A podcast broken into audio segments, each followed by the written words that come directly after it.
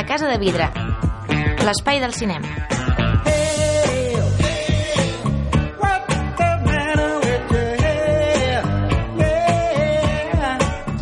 Hola, benvinguts una setmana més a la Casa de Vidre, un programa que encara està marcat dins la ressaca dels Oscars. Sí, una setmana grande per Sí, nosaltres, tant. Què tal. Pere? Com ho Molt bé, tot?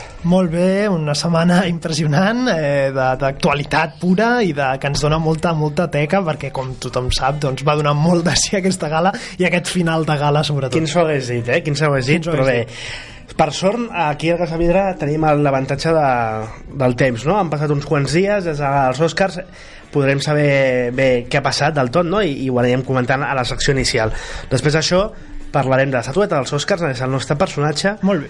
i estrenes, òbviament, tenim la nova pel·lícula del Lobezno, de la última, Logan, ja Logan. veureu, Logan, i altres més, i acabarem amb la zona crítica d'una pel·lícula que, per, si per, per mi fos, es podria haver portat 5-6 Oscars i no hagués passat res. Una de les oblidades dels Oscars. Estem parlant de Jackie, de Pablo Larraín, però això serà al final del programa, com sempre, eh, al començament, amb la tertúlia dolces o salades, comentarem a veure què han de sí tots els Oscars i també parlarem de la nostra porra i tant. Així que molt atents, agafem els bàrtols i comencem. Som-hi.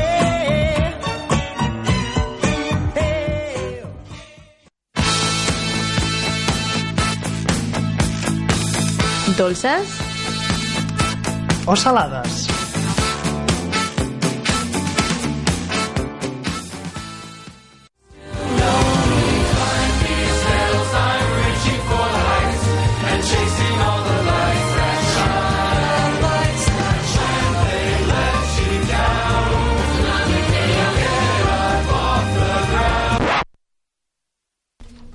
Així es haurien sentir els, els productors, actors, director de La La Land quan va passar el que va passar, eh, Pere? Sí, no... He intentat, he intentat assimilar musicalment S'ha resumit molt bé amb aquest tall. Jo crec que Que és, fort, és, que impos fort. és impossible parlar de, començar a parlar dels Oscars sense tocar aquest tema perquè va ser el gran tema, potser el gran tema no només d'aquesta gala sinó de la història dels Oscars. Sí, tal qual, és que és, és Un no error històric, històric. és etern. És etern, i tant. Passarà als anals de la història i el pobre Warren Beatty serà el protagonista d'infinits memes que perduraran Sí. pels temps dels temps. I la Faye Dunaway que, que, que li, tira el, li posa el marrón una mica... Bé, recapitulant, tots ho sabeu, no? Òbviament. Tothom ho ha vist, Això, millor pel·lícula, el Gran Premi de nit, eren les 6 i 10, 6 i quart, aquí, en, en el nostre horari.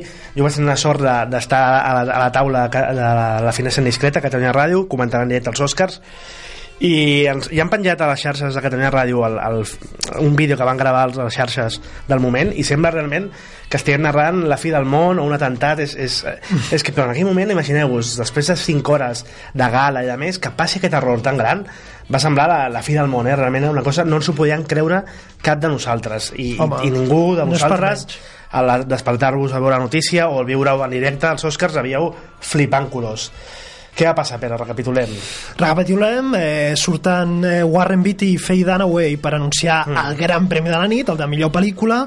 Veiem Warren Beatty dubtant, a l'obrir el sobre hi ha algú que no quadra, però tot i així li dona el sobre a la Faye Dunaway que diu La La Land.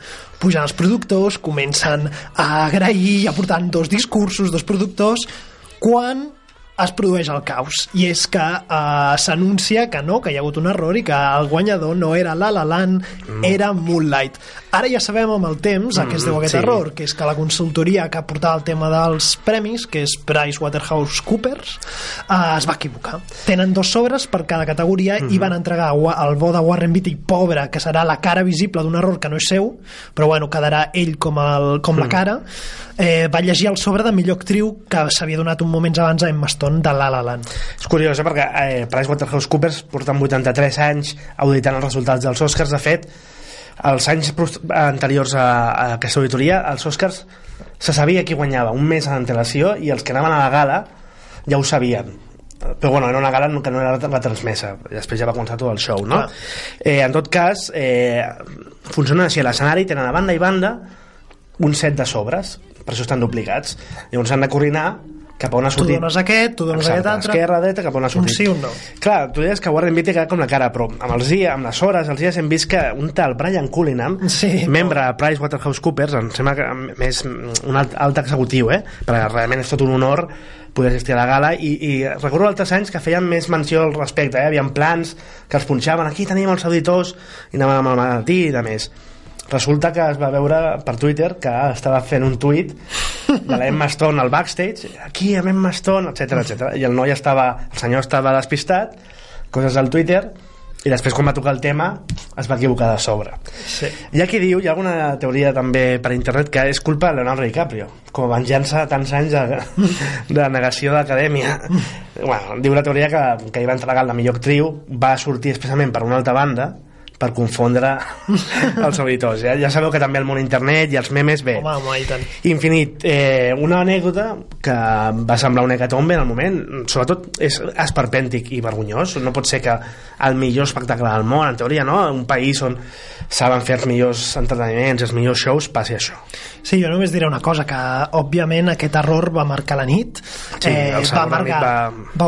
va deixar una victòria molt amarga per la La Land i em queda un comentari del bo del Sergi Sánchez, del Mhm. crític, que diu, aquest final eh, és un final al més pur estil La la Land, no? sí, sí, Exacte, imita el final de la pel·lícula, és a dir, aquesta diferència entre el que podria haver estat versus el que realment va ser, no? Tal qual, o sigui, la, la, la realitat supera la ficció i, i bé, eh, jo vull reconèixer el Jordan Horowitz, el, el productor, xapó per ell, el productor de la Sí. Com va parar el tema, Quin saber va perdre. prendre el, les regnes, això vol dir que és un bon productor, és una, una persona que en moments de caos posa calma, realment Sí. aquí es va destacar, i va controlar la situació i va, va anunciar ell els guanyadors, perquè ni Sí, el sí, Jimmy Kimmel, que estava ja amb la cara desfigurada gairebé, de, de dir, Déu meu, tierra trágame, Ni Warren Beatty. ni, ni molt menys el Warren Beatty i la Fira, es, es veu que la Fira Dunaway va, va marxar directament va córrer i se'n va anar I encara la busquen. Sí, encara, exacte, va ser l'últim atracament de Bonnie and Clyde eh? en fi, en quant a premis eh, que és això, clar, ja ha quedat tot una miqueta desfigurat no? per, a- per aquest final agradols en quant a premis, doncs bé sis premis, al final a l'Alan director, actriu, sobretot els principals, música i cançó, muntatge Fotografia. i fotografia i després, bé, eh, Moonlight 3, anava tota la nit amb dos fins que va donar la campanada i és el tercera qualitat, diguéssim, el que, el posa gairebé com a guanyadora a la nit, malgrat aquesta diferència numèrica. Després, hasta l'últim hombre va guanyar també dos premis i Manchester frente al mar dos d'aquests de- d'enorme qualitat com són actor i millor guió original. La pena també per part nostra va ser Time Code, no?, el curtmetratge. Sí, el curtmetratge del bo del Juanjo Jiménez, que al final no es va poder portar l'Òscar i per tant no, podem, no es va poder endur aquest Òscar cap a casa el curtmetratge de Timecode, que ho ha guanyat tot, per altra banda. Sí, el Ju- Juanjo Jiménez, que va tenir també la, la soltura de, de fer un tuit dient jo m'espero aquí una estona més per veure si s'han equivocat, sí. per veure si s'han equivocat amb, amb, la, Amb el curt. Amb el, amb el curt. Bé, en tot cas, eh, cara 89, gana que passarà la història, sens dubte.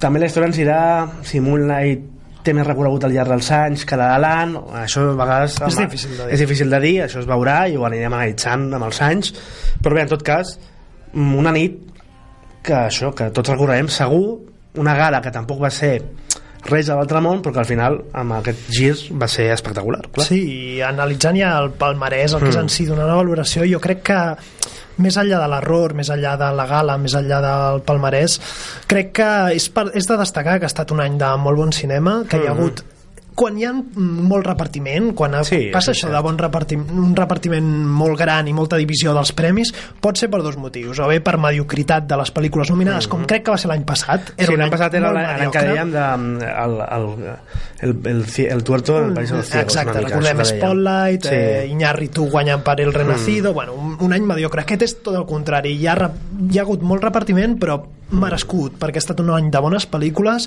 i tant Moonlight com eh, La La Land es mereixien tots aquests premis, inclús Manchester frente al mar sí, i la resta. Jo faria de totes qu- quatre destacades són això, Moonlight, Manchester frente al mar, òbviament la de l'Art i Arrival, que la llegada que no ha tingut tant reconeixement com hauria sigut i després potser hasta l'últim hombre. El de més, aquestes nou ja són que sobren més no? Comanxeria és una gran pel·lícula que ha tingut molt reconeixement per sort. I bé, Fences jo la critico moltíssim i em sap greu que guanyi Viola Davis a millor actriu encara està molt bé. Secundària perquè no és secundària, és protagonista. I insistirem en aquest tema, ja estic fart una miqueta de, de que saltin aquestes normes. Però bé, en definitiva el palmarès el podeu repassar a casavidra.com on també podeu repassar la llista de guanyadors de la porra. Eh, Ara, ara. Ja tenim mol, moltíssims, eh? han tingut molts participants i estem molt contents. Eh, només aquí numerarem el gran guanyador, el guanyador amb més encerts.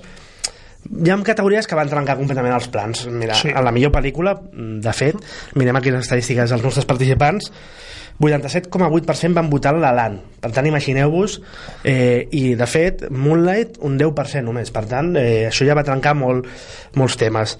La, els altres, doncs bé, mm, Cassie Affleck mm, el 63% el volien, mm, Vincent Washington va que no guanyés va li va trencar la porra un 23-26% millor actriu tothom apurava bé, diguéssim, 79% per Emma Stone, secundari estava bastant clar, 80 llargs.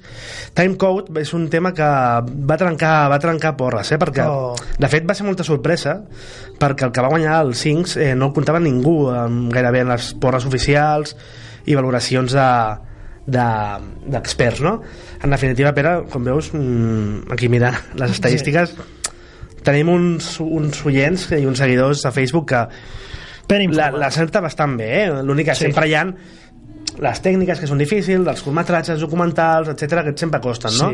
I després coses que, que trenquen completament, com per exemple Esquadrón Suïcida, el maquillatge va trencar, el disseny de producció tothom comptava amb la La Land i en canvi va ser per a animales fantàsticos i no ningú enterros, bé cosetes així que han fet que el número màxim d'encertants hagi sigut 18 de 24 aquesta persona que ha encertat 18 és el Xavier Escuder Vilatella que és el guanyador del gran premi d'un mes Molt bé. gratis a Filmin. La resta de guanyadors, com digueu, els podeu eh, certificar i mirar a buscar a casavidra.com, al nostre Facebook, facebook.com eh, barra la Casa de Vidre o el Twitter, arroba la Casa de Vidre, i anar comprovant.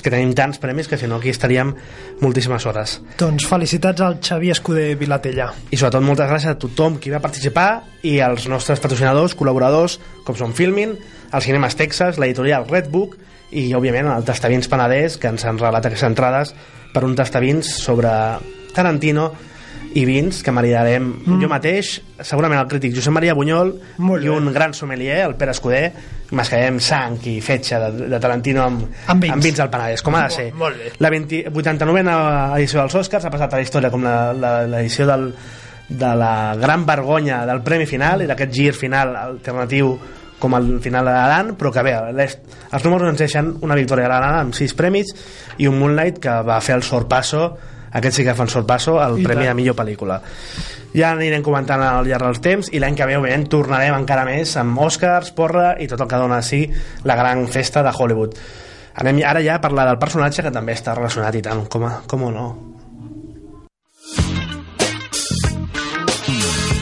El personatge.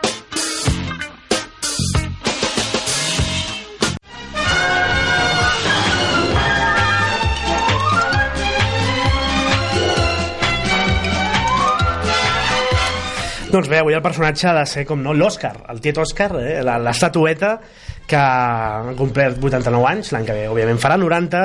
Dir-vos que medeix 34 centímetres i pesa al voltant de 3 quilos. Molta gent que l'ha guanyat sempre diu pesa més del que m'imaginava, eh? és una aleació de plom, níquel, plata i cobre banyada en or de 34 quilats i Ui. tots i cada un tenen número de sèrie. L'origen del nom és una llegenda discutida, eh? Uh, la més acceptada entre elles es diu que una tal Margaret Harry, que era secretària de l'acadèmia i bibliotecària, li va posar el nom perquè li recordava el seu tiet, que es deia Òscar. D'aquí també tot el ti- tiet Òscar eh, i de més. Un periodista ho va presenciar i d'aquí va sortir no, a les cròniques també. Hi ha un altre periodista que diu que s'ho va inventar ell a partir de la tercera o quarta gala perquè estava fart de dir el premi de l'acadèmia i li va sortir un nom i després està la, la versió que diu que la Bette Davis veient l'estatueta va dir el seu cul em recorda el meu marit a l'Oscar i d'aquí ve el tema Aquesta de última Hollywood. m'encanta. és, la, és la millor de Bette Davis millor que la bibliotecària pobra però en teoria és la més legítima dir-vos que ens han entregat a vegades algun Òscar alternatiu durant molts anys va haver un mini Òscar que es donava als nens actors Shirley Temple, Mickey Rooney o Julie Garland van ser un dels guanyadors S'ha El de ten- recuperar, això. ja ves, el 38 va guanyar, es va entregar un Òscar de fusta per un ninot, com un ninot de ventríloc perquè se li va donar un famós ventríloc a l'Edgar Bergen i que quan Walt Disney va guanyar per la Blancaneus li van donar un Òscar normal i set Òscars versionant per completar com la pel·lícula. Finalment dir-vos que des del 1950 l'Acadèmia prohibeix per escrit als guanyadors vendre o fer negocis amb l'estatueta. Així es va acabar una miqueta amb el mercat negre no?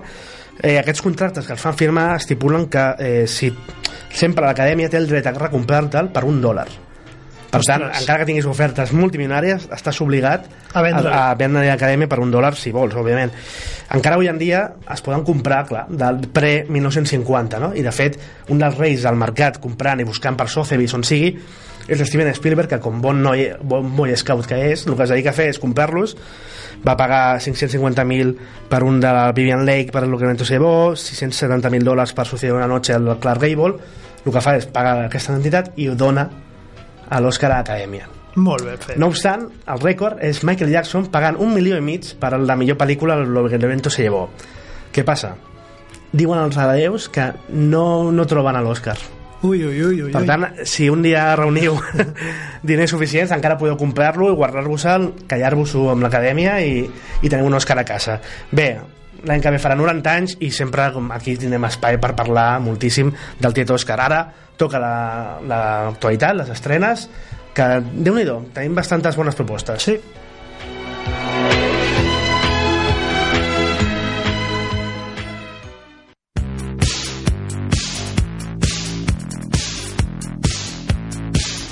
Les estrenes de la setmana.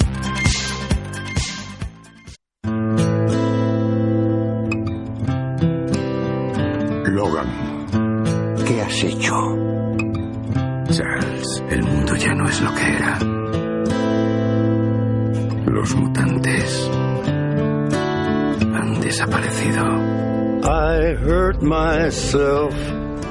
Un tràiler que posa la pell de gallina i que a més mm, Johnny Cash, de fons. contextualitza molt bé la pel·lícula Johnny Cash ha fet perquè el James Mangold és el director és el director de La cura floja el biòpic sí. grandiós de Johnny Cash i diu que s'identifica identifica molt el Lobezno crepuscular amb el Johnny Cash i ha volgut fer-li aquestes connotacions. De fet és una història que ens explica el Logan, la vida del Logan, el Lobezno anys d'aquí uns anys en una espècie de futur on els mutants han desaparegut i per un virus els seus poders van menguant la cosa per exemple no cicatritzar tan ràpid i de més es dedica a conduir limusines a la frontera dels Estats Units amb Mèxic una miqueta tot depriment i molt estil l'Amèrica de Trump eh, que es podia dibuixar i es dedica a cuidar d'un senil eh, professor Xavier què passa? que un dia arribarà una nena que resulta que té els mateixos poders que ell mm. i això farà que una malvada corporació la persegueixi i el Lobezno hagi de lluitar per última vegada? Qui sap? Uh, oficialment sí, perquè És el Hugh Jackman pel·lícula. és la seva última pel·lícula com a Lobezno i ell ha dit que està cansat, són 17 anys que amb el personatge físicament comporta molt, molt, molt, molt esforç i a més pateix una espècie de càncer de pell que li va remetint i el té controlat però que òbviament també merma les seves possibilitats eh? en, tal, en la possibilitat que és l'última pel·lícula de contracte i, i ell mateix va inspirar la història va dir que volia una història crepuscular una història que tanqués l'arc del personatge però bé, en el món dels còmics mm, Tot és tot és possible. possible i a Hollywood també Ja ho hem en vist tot mil cas, vegades. Es despedeix eh, per todo a grande, que es diria en castellà, amb una de les millors pel·lícules de la saga X-Men i val molt la pena també comentar-la.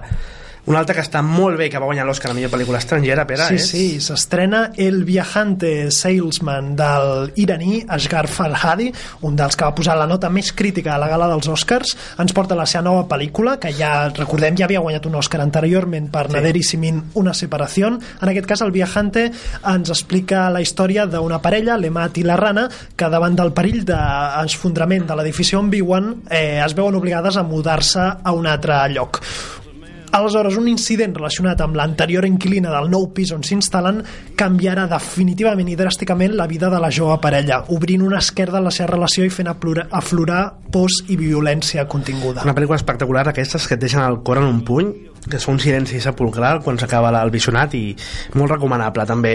Després tenim eh, El Guardián Invisible, pel·lícula espanyola, adaptació d'un bestseller del mateix títol, que és una saga criminal en què una inspectora, que interpreta Marta Etura, ha d'investigar una sèrie de crims que ocorren a un poble d'Elizondo, a Navarra, que poden tenir moltes ramificacions no? i capgirar la vida de la gent d'aquest poble un estil així com neo-noir nòrdic adaptat a, a Navarra en aquest cas i, i a la geografia espanyola també tenim els germans Arden, Pere Sí, uns directors que a mi m'encanten, el Luc Dardenne i el Jean-Pierre Dardenne, que ens porta la seva nova pel·lícula La chica desconocida. Estava a l'edició passada de Cannes, eh, una pel·lícula que ens explica la història d'una jove doctora que se, se sent culpable per no haver obert la porta de la seva consulta una noia que va ser trobada morta el dia següent mm, sense identitat. Uh, aquest camí a la redenció doncs, uh, l'emprendrà la doctora donant-li un aire als directors de quasi d'investigació policial. Sí, s'obsessiona amb el tema i vol buscar el nom d'aquesta noia desconeguda.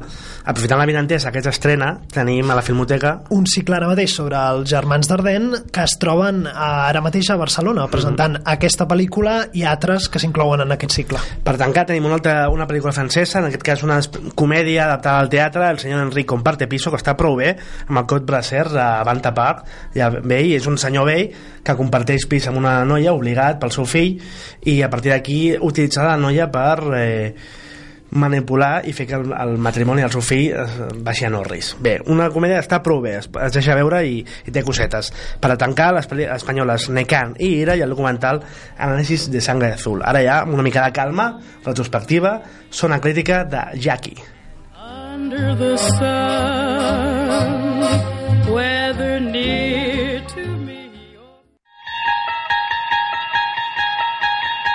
La zona crítica.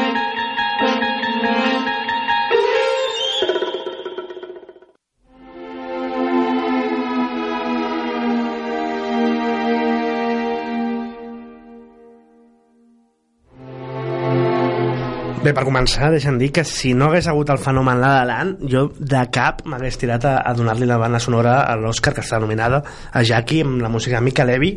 Té tres pel·lícules al seu, al seu currículum, però és espectacular.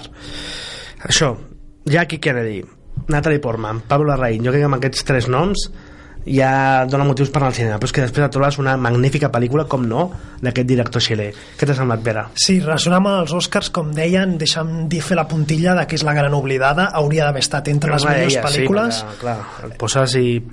Sa- Sap molt de greu que no estigui allà. Però I bé. bàsicament perquè és una gran pel·lícula i que la millor defensa que se, se li pot donar és que no és un biopic a l'ús, que potser és això el que tira enrere la gent, no dir no vaig a veure un biopic, em fa una mica de mandra, és més aviat eh, un recorregut per l'estat mental i emocional d'un personatge en plena crisi, agafant només els moments posteriors a l'assassinat de, del marit de Jackie, el president dels Estats Units, John Fitzgerald Kennedy.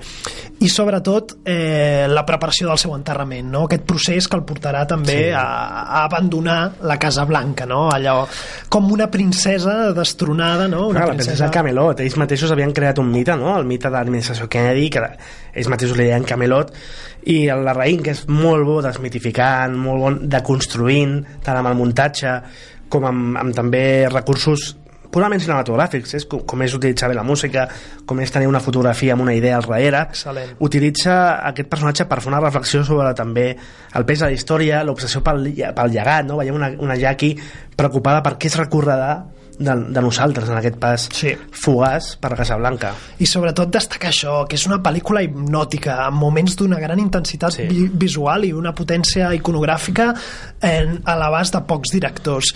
Eh, només quedar-vos amb aquelles imatges de la Jackie caminant pels mm. passadissos solitaris d'una Casa Blanca no, que se la menja i se li tira a sobre. Mm. Uh, què més dic? Doncs que tenim una Natalie Portman espectacular que aconsegueix construir un personatge fràgil i fascinant a la vegada. Mm. És que la pel·lícula realment és hipnòtica, com tu deies, ja no només per totes les eines que utilitza, sinó per aquesta manera d'explicar la raïn les històries, no? I és com que realment t'agafa i no, no et suelta i, i la pel·lícula és així, no, no et deixa pausa, et va apagullant amb imatges, amb, amb idees això, no estem davant d'una pel·lícula històrica, estem davant d'un film de cinema amb totes les lletres de la paraula, per tant, molt és recomanable. pur cinema. A mi m'agrada molt que, que faci el salt no, a Hollywood, encara que amb una pel·lícula independent, a veure què pot donar així un Larraín, que és un director. Si no heu vist cap pel·lícula seva, agafeu i busqueu No, que és una pel·lícula espectacular, o El Club, eh, o Neruda, que també l'ha fet aquest mateix any. Són tot pel·lícules que, que poden agradar més o menys, però t'acaben transmetent alguna. Eh, I bé, també tenim el John Hart, fica la pell de gallina, les, seva, les seves Sí. escenes, Sí, sí. recentment falla, eh, mort, i jo l'únic negatiu és el eh, Peter Sellers no m'ha acabat de quadrar com el Bobby Kennedy, però només per dir una nota negativa d'una pel·lícula que m'encanta i que aniré veient al llarg dels anys segur. Quina nota li poses, espera? Jo li poso un 8. Jo un 8 i mig. Bé, fins aquí el programa aquesta setmana. Es pot dir que ja han donat carpetazo als Oscars, ja no tornarem a parlar d'ells, a no ser que em doni la situació, fins l'any que ve. Però bé, la setmana que ve tornarem, com no, amb més cinema que mai i amb moltes ganes de seguir parlant del setè art. Així que, Pere, moltes gràcies, a tot, gràcies a tots vosaltres. Fins la setmana que ve. Adeu. Adeu. there was a spot for one brief shining moment